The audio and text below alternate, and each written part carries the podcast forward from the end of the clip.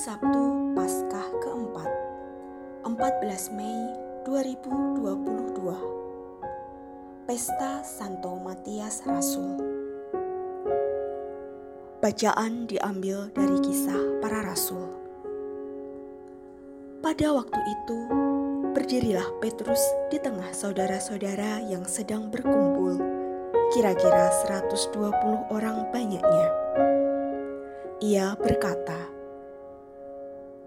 Hai saudara-saudara, haruslah genap nas kitab suci yang disampaikan roh kudus dengan perantaraan Daud tentang Yudas, pemimpin orang-orang yang menangkap Yesus itu.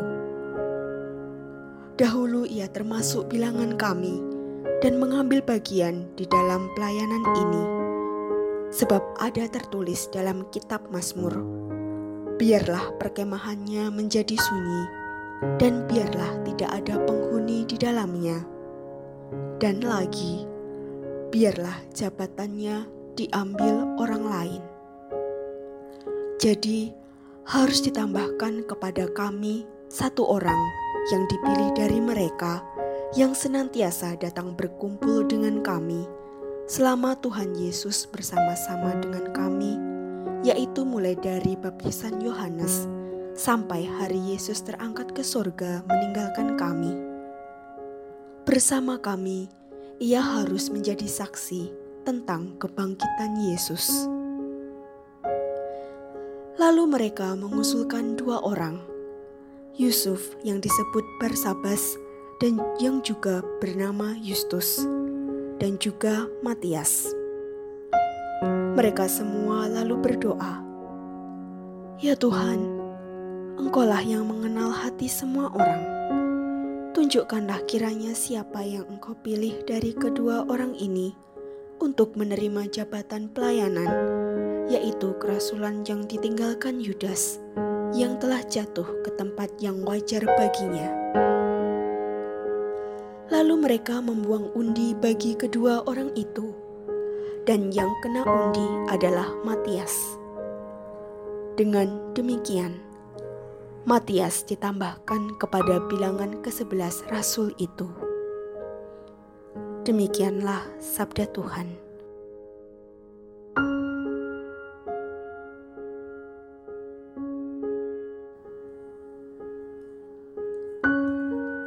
Bacaan Injil Inilah Injil suci menurut Yohanes. Pada perjamuan malam terakhir, Yesus bersabda kepada murid-muridnya, "Seperti Bapa telah mengasihi Aku, demikianlah juga Aku telah mengasihi kamu. Tinggallah di dalam kasihku itu. Jikalau kamu menuruti perintahku, kamu akan tinggal di dalam kasihku." seperti aku menuruti perintah Bapakku yang tinggal di dalam kasihnya. Semuanya itu kukatakan kepadamu, supaya sukacitaku ada di dalam kamu dan sukacitamu menjadi penuh. Inilah perintahku, yaitu supaya kamu saling mengasihi, seperti aku telah mengasihi kamu. Tidak ada kasih yang lebih besar daripada kasih seorang yang memberikan nyawanya untuk sahabat-sahabatnya. Kamu adalah sahabatku, jikalau kamu berbuat apa yang kuperintahkan kepadamu. Aku tidak menyebut kamu lagi hamba, sebab hamba tidak tahu apa yang diperbuat oleh tuannya. Tetapi aku menyebut kamu sahabat, karena aku telah memberitahukan kepadamu segala sesuatu yang telah kudengar dari Bapakku. Bukan kamu yang memilih aku, tetapi akulah yang memilih kamu. Dan aku telah menetapkan kamu supaya kamu pergi dan menghasilkan buah, dan buahmu itu tetap. Supaya apa yang kamu minta kepada Bapakku dalam namaku, diberikannya kepadamu. Inilah perintahku kepadamu. Kasihilah seorang akan yang lain. Demikianlah sabda Tuhan.